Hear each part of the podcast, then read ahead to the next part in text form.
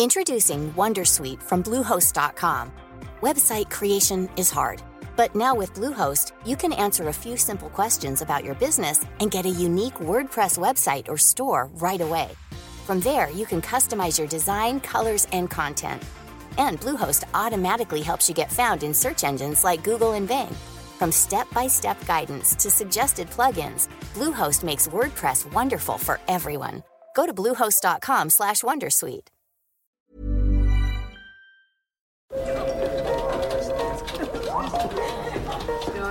Dette er lyden av norsk næringsliv. Akkurat nå tas det små og store valg som kan bli avgjørende for fremtiden. Med økonomisystemet X-Leger tas disse beslutningene basert på informasjon i sanntid, slik at drømmer og ambisjoner kan bli virkelighet. Få kontroll og oversikt, gå inn på xledger.no. Denne sendingen er sponset av Xleger.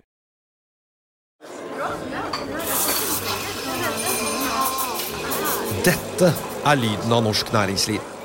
Akkurat nå tas det små og store valg som kan bli avgjørende for fremtiden. Med økonomisystemet X-Ledger tas disse beslutningene basert på informasjon i samtid, slik at drømmer og ambisjoner kan bli virkelighet. Få kontroll og oversikt, gå inn på xledger.no.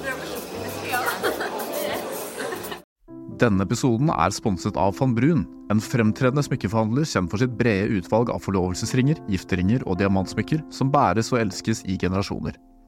Et frieri er en av de største øyeblikkene i livet, hvor forlovelsesringen er et tidløst symbol på kjærligheten. Valg av ring krever omtanke for både hvilket metall og diamant, med et bredt spekter av både naturlige og labdyrkede diamanter, og metaller som platina, gult gull, hvitt gull og roségull, hjelper de deg med å sette et personlig preg på din kjærlighetshistorie. Van Brun vil gjerne invitere deg til å prøve på tre av dine favorittringer fra nettsiden helt kostnadsfritt. Du kan også låne et bredt spekter av frieriringer, slik at du og din forlovede kan velge en ring sammen etter det store ja. Van Brun tilbyr 90 dagers åpent kjøp og 90 dagers gratis størrelsesjustering. Utforsk deres eksklusive sortiment i luksuriøse omgivelser. Bok en konsultasjon sammen med en diamantekspert i deres showroom i Oslo. Eller online på vanbrun.com. you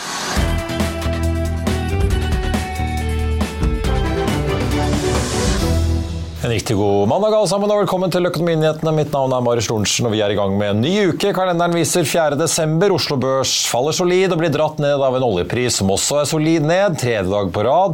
Ligger rundt 78 dollar fatet nå. Maxbo permitterer rundt 100 ansatte. Spotify kvitter seg med nesten hver femte.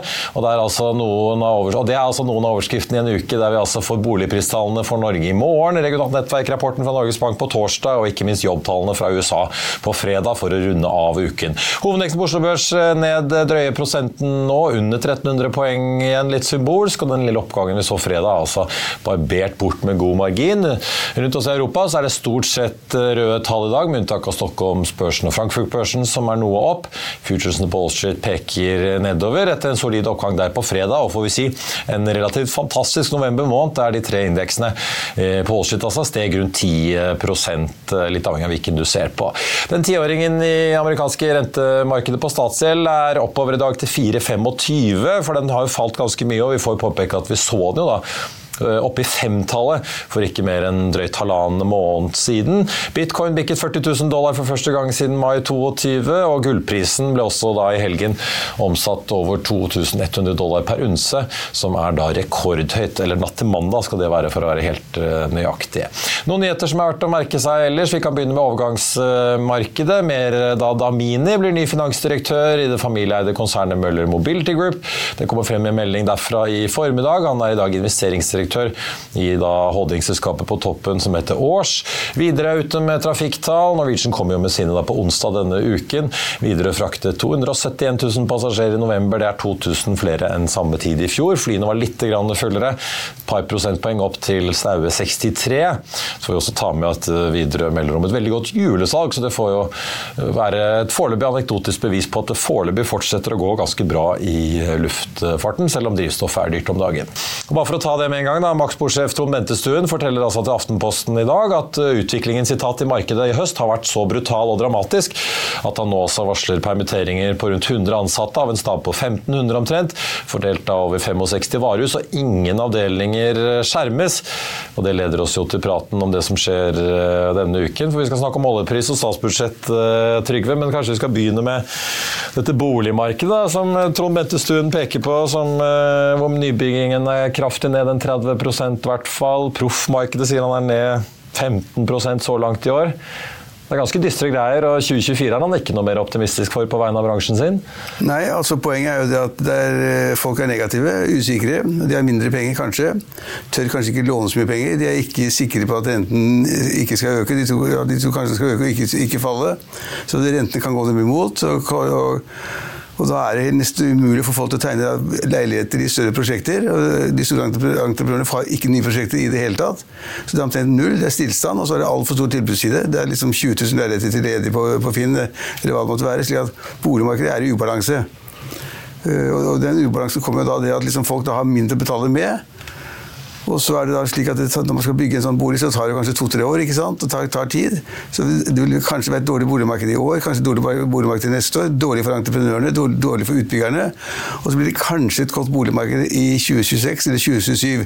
For da har man jo ikke bygget på to-tre år. Og da plutselig er det stort hull. For hvis da folk har penger mellom hendene, og hvis renten har falt, så kan vi få da en kraftig oppgang i 2026. Men det er en stund til da, Trygve. Det, det, det, er lenge å holde ut også hvis du ja, ja, ja, butikk og du ser at her er omsetningen masse ned ned og ja, så derfor må man da, hvis, hvis, man skal være litt nøktern, så burde man kanskje da selge, da, mens man får de gode prisene man har i dag. Hvis man da forventer at prisen skal bli lavere om et halvt år eller et år. Da må man selge nå. Hva tror du om boligprisen i morgen? da? Jeg så Handelsbanken er vel ute og venter en 1-2 eller 1-5 ned uh, før du justerer for sesongsvingninger. Og ja, altså, 0-2 eller noe sånt sesongjustert. Altså, det som er interessant, var at Obos kom med sine tall for en uke siden. eller hva Det var. Og det var en liten oppgang, 0,2% så Det er ikke sikkert det faller og faller på alle områder hele tiden. Det var en liten overraskelse at Obos faktisk var såpass frist. For det er ganske mange Obos-ledere også til salgs, altså bruktmarkedet. Så jeg tror det at når det kommer den store statistikken kommer, hvor da Obos er inkludert, så tipper jeg at vi får et fall på mellom en halv prosent og 1 det, det, det tror jeg på faktisk er et fall. Så skal man huske på at vi hadde en oppgang første halvår, så er det nesten spist opp i antall år. Og nå ligger man omtrent på som pluss-minus null, med en bitte liten nedgang. Og det er for godt til å være sant. Så jeg tror vi vil se et boligfall, men ikke stort. I området ned en halv prosent, ned 1% i morgen. Ja, for det er det jeg hører fra når jeg snakker med meglere, at de sier at eh, de syns det går dårligere enn det statistikken fra Eiendom Norge viser, ja. men det er kanskje noen tidseffekter eller litt forsinkelser inn i dataene? Ja, det er vanskelig, vanskelig, for å si det, men jeg mener også det at det har vært rart at markedet har vært såpass godt som det har vært. Da. Men det vi ser er at leiligheter og, og, hus blir liggende usolgt, det er et problem. Og så kan man da, si at... Da plukker man jo, altså da får man jo, Hvis det ikke blir solgt, hvis det bare blir liggende, så Exakt. skjuler man det jo egentlig. Eksakt, ja. det er poenget. Man skjuler fallet, for det blir ikke solgt noe, så man får ikke frem den dårlige prisen prisen.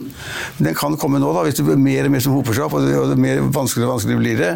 Så vil jo folk etter hvert bli tvunget til å selge, og da kommer prisene frem. Men nå er det en sånn, det er et godt poeng. Det er skjult, et skjult eh, fall i boligmarkedet som da kanskje kommer frem. Ikke helt i morgen, men kanskje i desember. Og så får vi da se hvordan det går på nyåret igjen.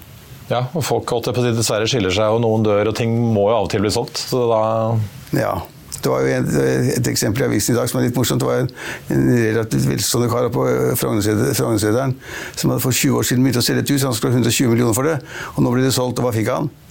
60 halve Han fikk 60 halve prisen. Han brukte lang tid også, da. Ikke hvor mye Preben Mæren smiler, jeg, men uh... Nei, han smiler ikke mye. Han har prøvd å selge det i årevis, og så er det sånn stort hus oppe på toppen der ved siden av Stein Erik Hagen. Og så har han, si, du har jo fasjonable naboer, da. Ja, veldig fine naboer, Stein Erik Hagen. Og så hadde han da masse sånne små stabber i haven osv. Så det var et, et, stort hus med da fem-seks småhus rundt omkring.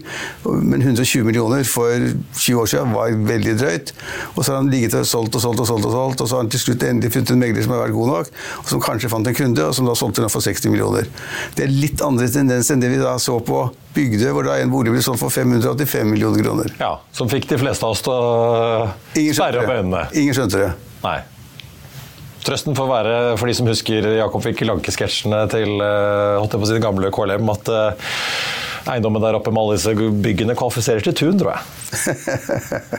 Men eh, skal vi snakke litt om eh, Ellers, jeg ser jo Kongsberg Gruppen eh, fikk jo ny rammeavtale i dag. 17 milliarder med norske myndigheter for fregattvedlikehold frem mot 2040. Det er jo hyggelig, men aksjen ned over 4% Men det var vel denne nedgraderingen fra Bank of America, tipper jeg. Men alle disse oljeselskapene våre da, de er jo ned pluss-minus 3 i dag, alle sammen, på en oljepris som for tredje dag på rad faller. Ja, jeg syns det er veldig, veldig, spennende og skremmende. fordi at altså, oljeprisen er som du nevnte kort, så var jo da oljeprisen var på 78 dollar på fat.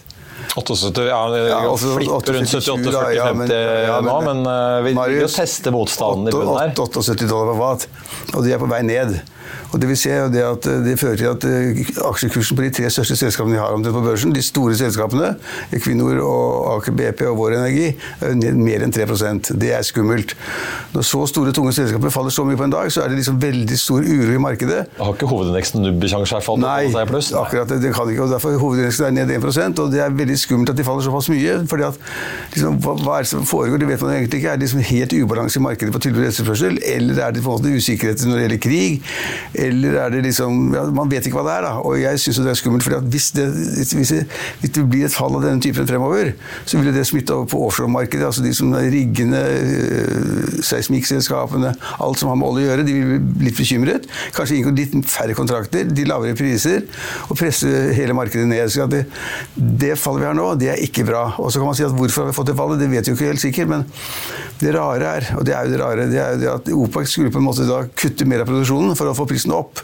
Og de, de, dagene hvor de faktisk klarte å kutte den, tror jeg da, rundt 1, million fat per dag, ble det sagt. Det vet man aldri helt hva som foregår bak OPECs dører, men det ble sagt at det var rundt 1 million fat per dag. Og da skulle egentlig prisene gå opp. Men etter at det vedtaket kom, så har prisene bare gått ned. Det var jo ikke så konkret.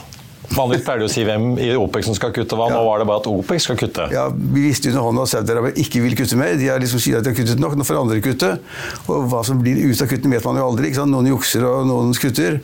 Men prinsippet om at de skulle kutte for å få prisen opp, det står. Og så har de ikke helt fått det til. Og så, mens det da skulle føre til at prisen gikk opp, så har de gått ned. Og ganske kraftig. Det er ikke mange dagene siden det var 85, nå er det 78 dollar på fat.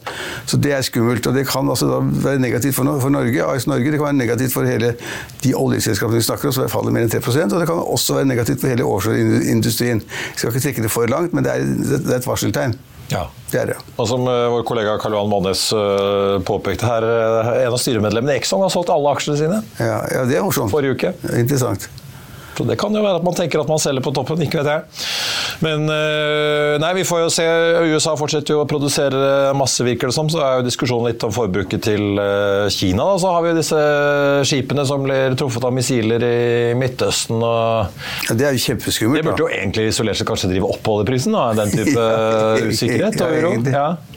Ja, jeg, altså, jeg vet ikke helt hva som foregikk der, men eh, det, det, det er sagt at det, det kom jo inn fra Jemen, fra denne Uti-militsen? De kom fra Jemen, og så ble, ja. ja, og så ble det sagt at det, da, det skipet som ble angrepet da, med noen raketter, vet ikke om de traff ordentlig engang, men det var et skip som hadde da israelske interesser, eierskap i seg.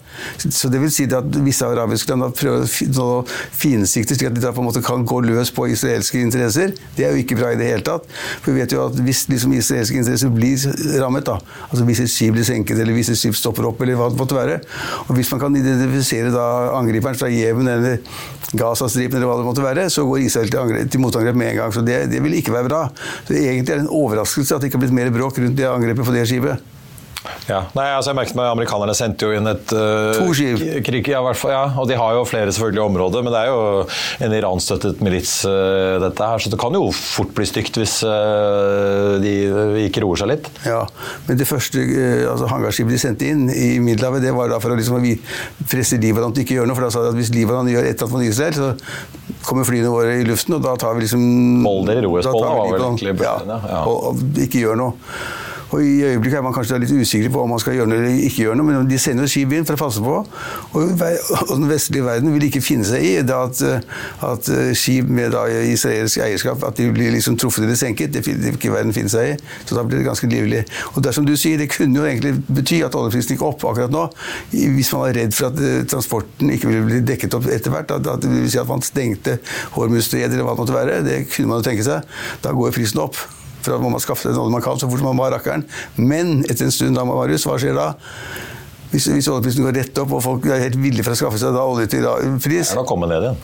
Ja, da kommer ned, men da, da blir det blir altså katastrofe for tankratene. Ja, ja. For det blir ikke noe olje å frakte. Folk ikke har råd til å kjøpe, og ikke tør de kjøpe. Det er sant. Vi får, øh, vi får se. Det, var jo, det skal jo være tankens år, skal det ikke dette her? Ja, veldig, det er veldig spennende. Det skjer altfor mye på en gang. da. Og så kommer, øh, det synes jeg faktisk blir litt interessant, Brasil kommer inn i favnen i OPEC øh, pluss, en av satsingslandene til Equinor og flere. Ja, jeg kan ikke nok om det. Så det skal flere rundt bordet på disse OPEC pluss-møtene fremover. Det er vel snart bare Norge og amerikanerne igjen. ja. Litt spøkefullt sagt. Men du, jeg tenkte Vi må også til slutt komme innom uh, det som veldig mange politisk interesserte har uh, fulgt med på. Som du skriver om i lederen din i dag. SV overkjørt av den største traktoren uh, til Trygve Slagsvold Vedum, finansministeren. Ja, altså Det var kjempespennende i går, da, liksom, da, man skulle få løsningen på hva som var blitt da, når det gjelder budsjettforhandlingene mellom Arbeiderpartiet, Senterpartiet og SV. Og SV liksom, det er de som da sitter med nøkkelen til at det blir flertall. De kunne egentlig nesten gjøre hva de ville. Og SV hadde kommet ut så kraftig på forhånd og sagt at det, nå snakker vi om omfordeling i samfunnet, nå snakker vi om klima, og så snakker vi da om skatteøkninger opp og ned. Og de kom med noen helt dramatiske og helt håpløse skatteforslag. Som f.eks., bare for å ta ett eksempel, da, øke, de, de, ville øke da formuesskatten fra 1,1 til 1,8 Jeg tror ikke de skjønner hva de snakker om, de tror promiller og men de skjønner ikke betydningen av det. Flere hadde flyttet? Veldig mange, og så hadde de også da kraftige forslag om endring i utbytteskatten. Dvs. Si altså beskatning på gevinster også. Det var helt, helt håpløst. Og så var de veldig aggressive. Og når de kom ut i går med finansministeren og eh, Arbeiderpartiets representant Brenna, så var det altså sånn dere det var ikke til å tro. Det var liksom englevinger og flinke og søte mennesker alle sammen. Og SV hadde ikke fått til noen ting. Absolutt ingenting. Ikke en eneste skatteøkning. Ingen dramatiske ting i det hele tatt. Altså, de var helt de var, altså, Hva som har skjedd på bakgrunnen, kan vi ikke ane. Men altså, det, SV kom veldig dårlig ut av det. Og det som jeg da skriver litt spøkefullt, at det så ut som de var overkjørt av traktoren til Slagsvold Vedum. Den største traktoren. Det var ja. fadderplate. Det minste han har. Han har, antar han har flere opp på gården på Edmark. Men uh, altså, de fikk jo økt på barnetrygden. Det er jo mye sånn, en del sånn sosiale grep, da. Men det ble ikke noe av disse store skatteendringene. Eller oljeinnstramming, da. Barnetrygden er 2000 kroner sånn, i løpet av et år. Eller sånn. Det er ingenting. Altså, det, er, det, var andre, og det var også noen andre økninger. Lånerammen til Husbanken opp med fem milliarder. Ja, uføre, litt uføregreier. Og det er helt riktig og veldig, for, veldig fornuftig. Men altså, i, i, sum så kom SV veldig dårlig ut av det, og de fikk ingenting til for skattesiden. Og vel å merke vil man tenke seg om. Når det kom så dårlig ut nå, hvordan blir det da om et år? Da budsjettet for 25 skal lages. For da er det valgår. Så da vil det altså helt sikkert ikke bli noen oppfølging av SVs dumme skatteforslag. Hvis de da liksom kommer i den posisjonen at de ikke fikk til noen ting nå, hvordan da blir det om et år, sier jeg. Så, så jeg ønsker ikke at SV skulle få gjennom sine skatteforslag, men det er ganske interessant at da på et tidspunkt hvor statsministeren selv ikke var der. Han dro til Dubai. Han var på klimatoppmøte. Var på klimatoppmøte. Så det var Brenna og, og Vedum igjen, sammen med SVs representant og, og, partileder. Og det kom de altså Alt gikk i retning av favør av Vedum og regjeringen og finansministeren. Alt. Det er interessant, altså litt kynisk sagt, det er jo nesten så de må håpe på at det blir en ordentlig nedtur i norsk økonomi, så de kan øke oljepengebruken eh, i det neste budsjettet. fordi at i hvert fall med den prisveksten vi har nå, så er vel ikke embetsverket i Finansdepartementet veldig glad for veldig mye mer oljekroner inn? Nei, Når de skal begynne budsjettarbeidet da? Nei. 2025? Prisveksten i Norge er litt høy nå. Det er den ligger rundt 4% eller sånn. Ja, kjernen er på 6 Ja, og det er litt for høyt. Og det skal ned, selvfølgelig. Eh, men renten skal også ned, tror folk nå. Altså man får ikke en høyere i Norge for, høyere Norge for å få prisveksten ned. Den vil bli liggende på 4,25. Ja, altså, vi vet ikke hva som skjer. Men, eh, men i øyeblikket så har altså vi, Marius, vi er litt uenige akkurat der. fordi jeg mener at vi har så mye penger i Norge. altså er det nå er det 15 600 milliarder eller sånn. Det er liksom helt vilt og avkastningen er høy og, og, god, og vi har jo penger til hva vi vil. Så da, vi bruker nå ikke mer enn 2,7 av uh, fondet. så man kan, Handlingsregelen tilsier at man kan bruke 3 Vi ligger langt og godt under innen alle, alle mulige rammer. og altså, Vi har penger hvis vi vil bruke det. Ja, problemet er vel kapasitet og folk? Akkurat. Det kan være litt problem på det, men Ser det på helsediskusjonene, det er ikke mm. Men nå kommer det mye flyktninger. Vi har 60 000 flyktninger uh, fra krigen i Europa. og uh, det kommer flere hver dag. Det kommer 500-600 i uka. De skal helst ha jobb. Hvis vi ikke får jobb, så er vi ikke flinke nok. Så det vil vi klare. Der blir, der blir det fall flere. Så det er et press i arbeidsmarkedet. Vi har en ledighet på bare 1,8% Det er lav ledighet. Den vil øke, men Og noe må vi kanskje gjøre med disse ukrainske flyktningene. Det virker jo å være en slags erkjennelse om at vi sammenlignet med Danmark, Sverige andre Ja, altså- land ikke er spesielt gode til å få dem i arbeid. Nei, og det er vel ikke helt heldig? Nei, vi har for mange kurs, og vi har for, kanskje, kanskje for mye penger til dem, også direkte overføringer. Og vi får de ikke ut i arbeid, og det må vi få til. Og det sier også regjeringen, at vi skal få de flyktningene i best mulig grad ut i arbeid. De, at de har det bedre, og, de, og skatteinntektene øker istedenfor at det blir utgifter på statsbudsjettet. Men om så, om man skal bruke 20-30 milliarder mer, så, så betyr det ingenting, Marius. Vi, vi har penger nok. Vi får se. ja. Får, fall, vi får håpe at uh, Eksfin-sjefen ikke uh, må rapportere om for mye tap, da, for de har jo reversert 9 milliarder i tapsoppsetninger der for å gjøre opp budsjettet. Ja, men- Så vi får håpe uh, at uh, Tone Lundebakker ikke går på for mange smeller som må dekkes inn da, i garantier. Ja, det er sånn, men altså Jeg bare gjentar meg selv. Vi, har masse penger, vi ja da. Jeg, jeg, jeg, er ikke kommet dit ennå at jeg er liksom bekymret for alle de pengene vi har. Jeg, vi ja, det er jeg ikke. Vi bruker, For å få budsjettet i havn, så bruker vi rundt 400 milliarder kroner eller sånn nå. Og det merker vi ikke engang. Og så er det da, det, Alt dette skjer. Vi bruker penger på mye, på krig. På, altså, skaffe våpen og greier til Ukraina og andre. Men vi må ikke øke skattene for å få til. Vi må ikke øke formuesskatten, vi må ikke øke inntektsskatten, vi må ikke øke øh, selskapsbeskatningen, vi må ikke øke da formuesskatten og ikke øke da utbytteskatten. Altså, alt dette får vi til i Norge uten å øke skattene. Det er helt rått. Det skal vi være glad for. Vi skal være glad for at øh, Vedum kjørte over SV. Nå skal jeg hatt et sånt norsk flagg her, så kunne jeg sagt heia Norge. Veldig bra, eh, Trygve. Jeg tenkte bare på tampen av eh, sendingen å nevne at eh, hovedveksten da fortsatt ligger ned en drøy prosent nå til 12,90, så vi har faktisk fått en god del ned fra toppen i dag på 1304 poeng. Den stakkars oljeprisen da, 72,32 ned rundt prosenten, mens altså Equinor og Aker BP har hentet seg noe inn, da, men de ligger nesten ned 3 alle sammen. Kongsberg Gruppen tredje mest omsatt i dag, faktisk, ligger ned 4,5 Bank of America tar jo da aksjen ned til en såkalt underperform. Det er vel det vi på godt norsk kan kalle en salgsanbefaling. Ellers så er Norsk Titanium en av dagens tapere i dag. Ned rundt 20 da på nyheten om en emisjon i det selskaper som har slitt en god del økonomisk. I Finansavisen i morgen så kan du lese Trygves leder om Rema Reitans privatflybruk. Du kan lese om hvorfor ABG tror på et comeback for Autostore. Hvorfor eiendomsinvestor Petter Dybwad Roll flytter til Sveits. Hvorfor kronen kanskje ikke er så svak som det vi tror. Og så kan du lese om hvilke aksjer som var mest omsatt hos Deme Markets i måneden som har gått. Det var det vi hadde for deg her i dag. Husk at vi er tilbake igjen med Børsmorgen 08.55 i morgen, da med Robin Øvrebø i Odin som gjest. Deretter blir det Økonominyhetene 14.30, hvor vi skal snakke om de ferske boligpristallene, bl.a. da med eiendomsmegler Hans eh, Hoeland. I mellomtiden så får du som alltid siste nytt på FA1 og gjennom hele ettermiddagen og kvelden. Mitt navn er Marius Lorentzen. Ha en riktig god mandag. Tusen takk for at du så eller hørte på. Vi ses.